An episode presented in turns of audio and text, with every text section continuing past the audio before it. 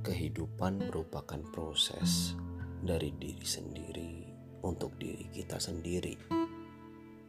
Banyak orang yang suka melihat keluar, memberi penilaian pada orang lain, tidak mau melihat ke dalam diri sendiri dan terhanyut dengan ucapan dan penilaian dari luar.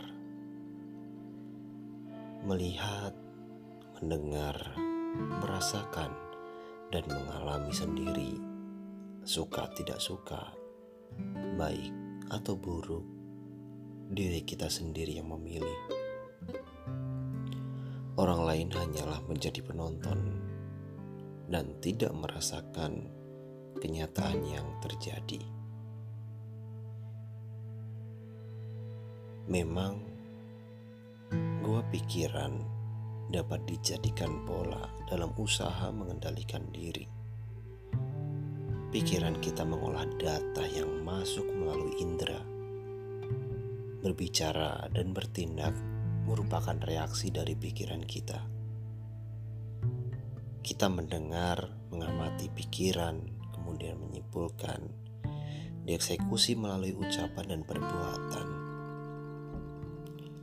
Berusahalah memperbaiki diri sendiri dengan melihat ke dalam diri kita sendiri. Apa yang belum dapat kita lakukan? Berilah karya yang bermanfaat. Nikmatilah kehidupan damai dan bahagia dalam kebersamaan.